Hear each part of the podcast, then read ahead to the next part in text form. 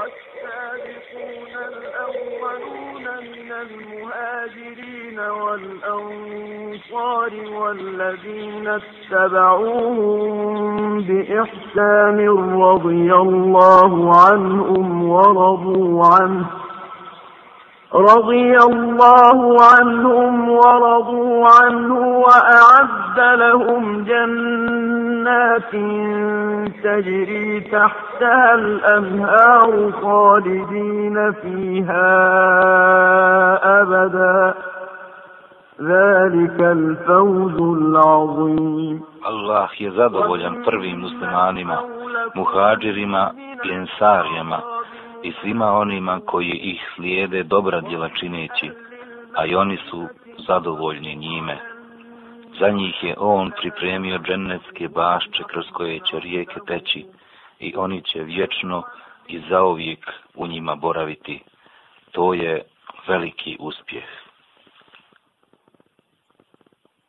Najbolji poznavalac pitanja halala i harama od ummeta Muhamedova je Muaz ibn Džebel.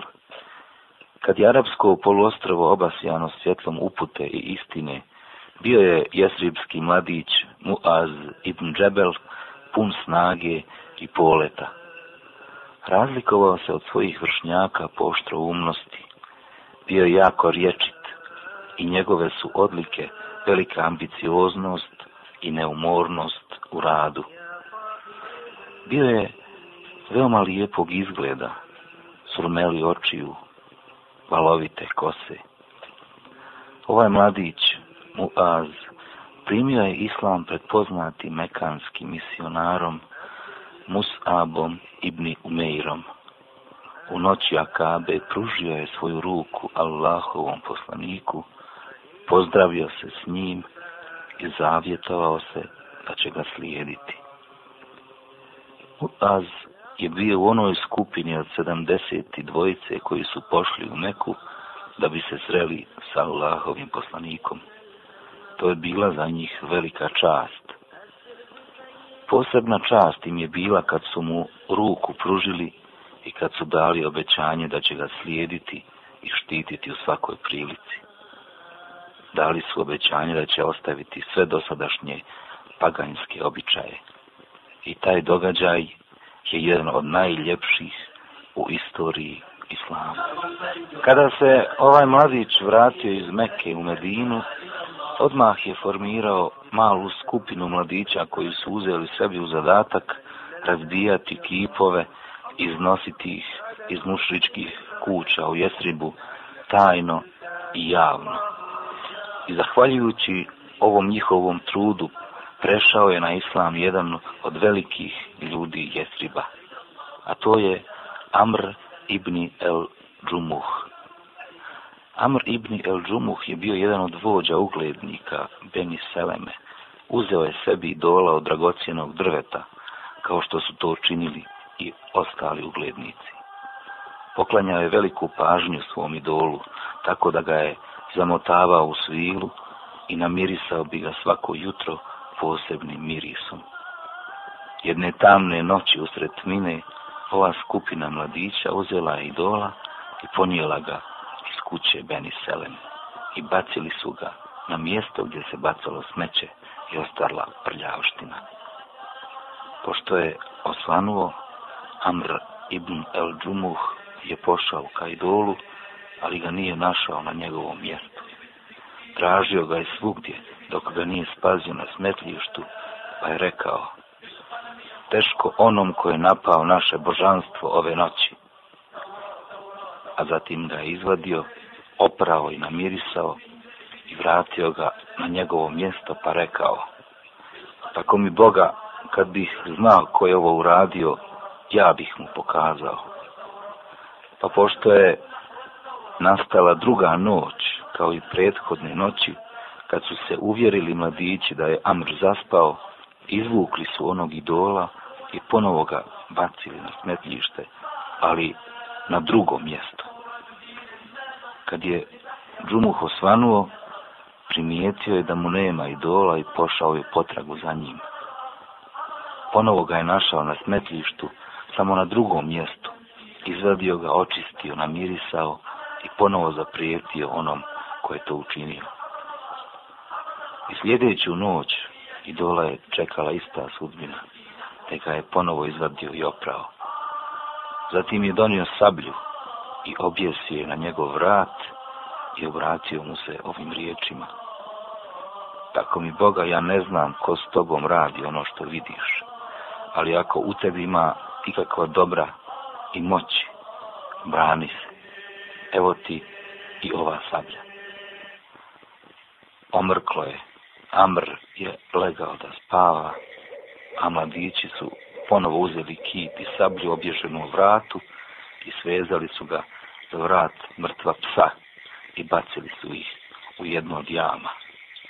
Kad je osvanulo, Amr se trudio da nađe kumira, sve dok ga najzad nije našao ponovo na smetlištu svezana za mrtva psa. Mupaz je u tom trenutku pogledao u njega i rekao Tako mi Boga, da si ti Bog, ne bi bio ti i pas zajedno usred prljave jame. Zatim je Amr primio islam i bio jedan od iskrenih sljedbenika islama. Kad je došao Allahov poslanik u Medinu, bio je Muaz stalno uz poslanika kao sjena. Nikad se nije odvajao od njega. Zahvaljujući njegove velikoj volji za naukom i stalnom druženju sa poslanikom, naučio je Kur'an, upoznao šarijatske propise, tako da je postao najbolji poznavalac Kur'ana i šerijata. Jezid ibn Kutejb prenosi Ušao sam u jedan mesđid u Himsu i u njemu sam našao mladića valovite kose. Oko njega se iskupilo mnogo svijeta. Upitao sam ih, ko vam je ovo? Odgovorili su Muaz ibn Džebel. Ebu Muslim el Havlami, jedan od istaknutih tabina, kaže Došao sam u mesčitu Damasku i zatekao sam grupu ashaba sredovječnih ljudi, a među njima je bio mladić lijepa izgleda. Kad bi se razišli u nekim pitanjima, obratili bi se tom mladiću. Pitao sam jednog od njih, ko je ovaj mladić? Odgovorio mi je Muaz ibn Džebel. Nije ni čudo da je Muaz postigao toliko znanja, jer je učio pred Allahovim poslanikom od rane mladosti. Crpio je znanje iz bogatog i pravog izvora. Bio je dobar učenik kod dobrog učitelja. Dovoljno nam govori činjenica o vrijednosti Mu'aza kad kaže poslanik sallallahu alaihi wa sallam najbolji poznavalac pitanja halala i harama u mom umetu je Mu'az ibn Džebel dovoljno nam govori ova činjenica o vrijednosti Mu'aza da je bio jedan od šestorice sakupljača Kur'ana u vrijeme Allahova poslanika, alaihi selama. Muaz je uživao veliki ugled i poštovanje kod drugova Allahova poslanika zbog velike učenosti. I stavio je svo svoje znanje za života Allahova poslanika i poslije njegove smrti u službi Islama i muslimana. Poslije osvajanja Meke, Kurejšije su masovno primale Islam nisu primali pojedinačno, nego su prelazila na islam čitava plemena. Ti novi sljedbenici i nosioci šehadeta trebali su jednog temeljitog učenjaka koji će ih podučiti islamu. Šta od njih traži šehadet, da ih upozna sa šehadetskim propisima. Muaz ibn Džebel je izvjesno vrijeme proveo u Mekiji podučavajući ljude Kur'anu i šehadetskim propisima. Kad su došli prvaci Jemena do Allahovog poslanika, sallallahu alaihi ve sellem, da prime islam, oni i njihovi narodi, trebalo je da im se pošalje neko ko bi ih prijethodno podučio islamu. Za ovaj vrlo važan posao odabrao je Allahov poslanik jednu grupu odabranih ashaba, a na čelu te grupe bio je svakako Muaz ibn Džebel. Allah bio zadovoljan njime. Sam poslanik izašao da isprati ovu grupu koja je zračila uputom i svjetlom. Allahov poslanik izašao pored Muazove deve jahalice, a on je jašio. Dugo je pratio Muaza a zatim mu oporučio. O Muaze, možda se više nećemo sresti, možda ćeš nekad proći pored mog mestrida i kabura.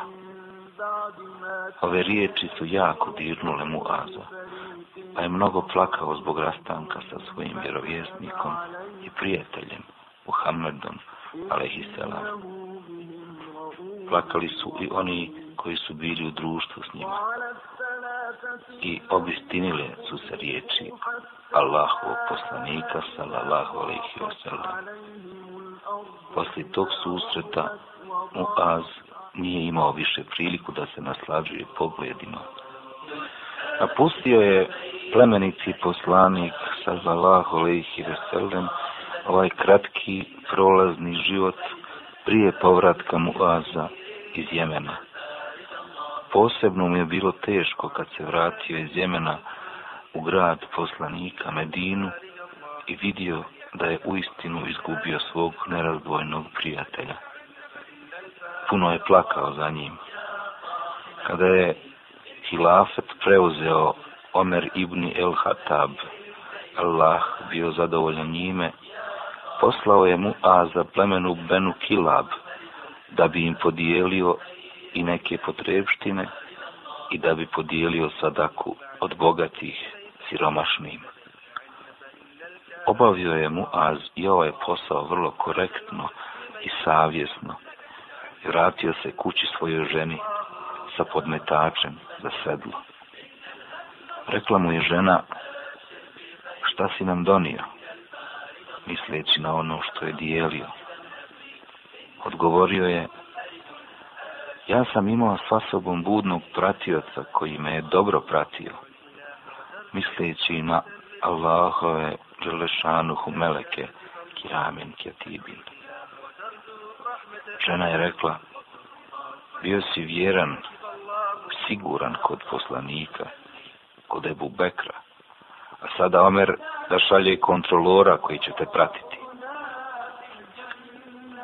To je doprlo do žena Omerovih, da bi poslije došla ta vijest do Omera. Pozvao je Muaza i rekao mu, zar sam ja poslao tebi pratioca, kontrolora? Odgovorio je Muaz, nisi o Emirul Muminin, ali nisam imao drugog izgovora kod žene. Nasmijao se Omer i dao mu nešto iz pejtu mala i rekao mu, evo ti, udovolji njenoj želji. Do vrijeme i lafeta Omerovog poslan je bio u Šam, nakon što se halif je obratio jezdi divni Ebu Sufjan riječima.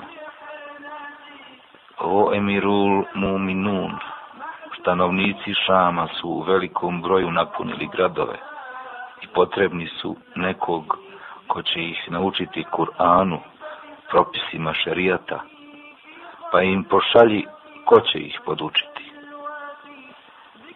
Pozvao je Omer pet osoba, onih koji su sakupili Kur'an u vrijeme Allahovog poslanika, salallahu alaihi veselem, a to su Muaz ibn Džebel, Ubadete ibn Es Samit, Ebu Ejub el Ensari, Ubej ibn Kjab i Ebu Derda.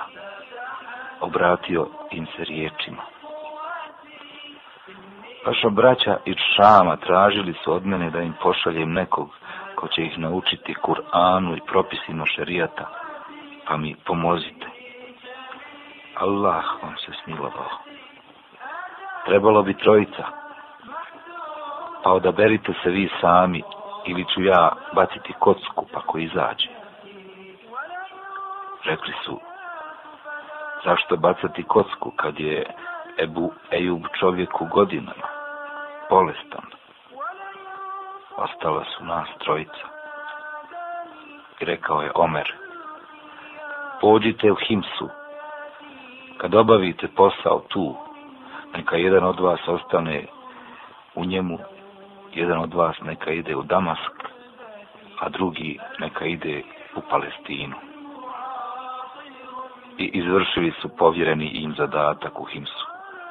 Zatim su u njemu ostavili Ubaza Ibni Esamita. Ebu Derda je otišao u Damask, a Muaz Ibni Džebel je otišao u Palestini. Tamo je mu Az i obolio.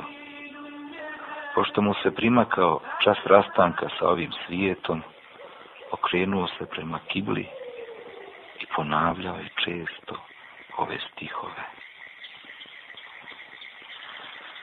Dobro došla smrti, dobro došla, došao posjetilac nakon odsutnosti. A zatim je uperio svoj pogled ka nebesima i učio ovu dovu. Moj Allahu, ti znaš da ja nisam čeznuo za Dunjalukom i dugim ostajanjem na njemu da bi se obogatio, nego sam se družio sa učenim da bih prisustvovao njihovim dersovima, predavanjima moj Allah, primi moju dušu onako kako ti primaš dušu vjernika. A zatim je uskoro ispustio svoju dušu daleko od svoje porodice, svoga zavičaja, kao pozivač u Allahovu vjeru i muhađir na Allahovom putu.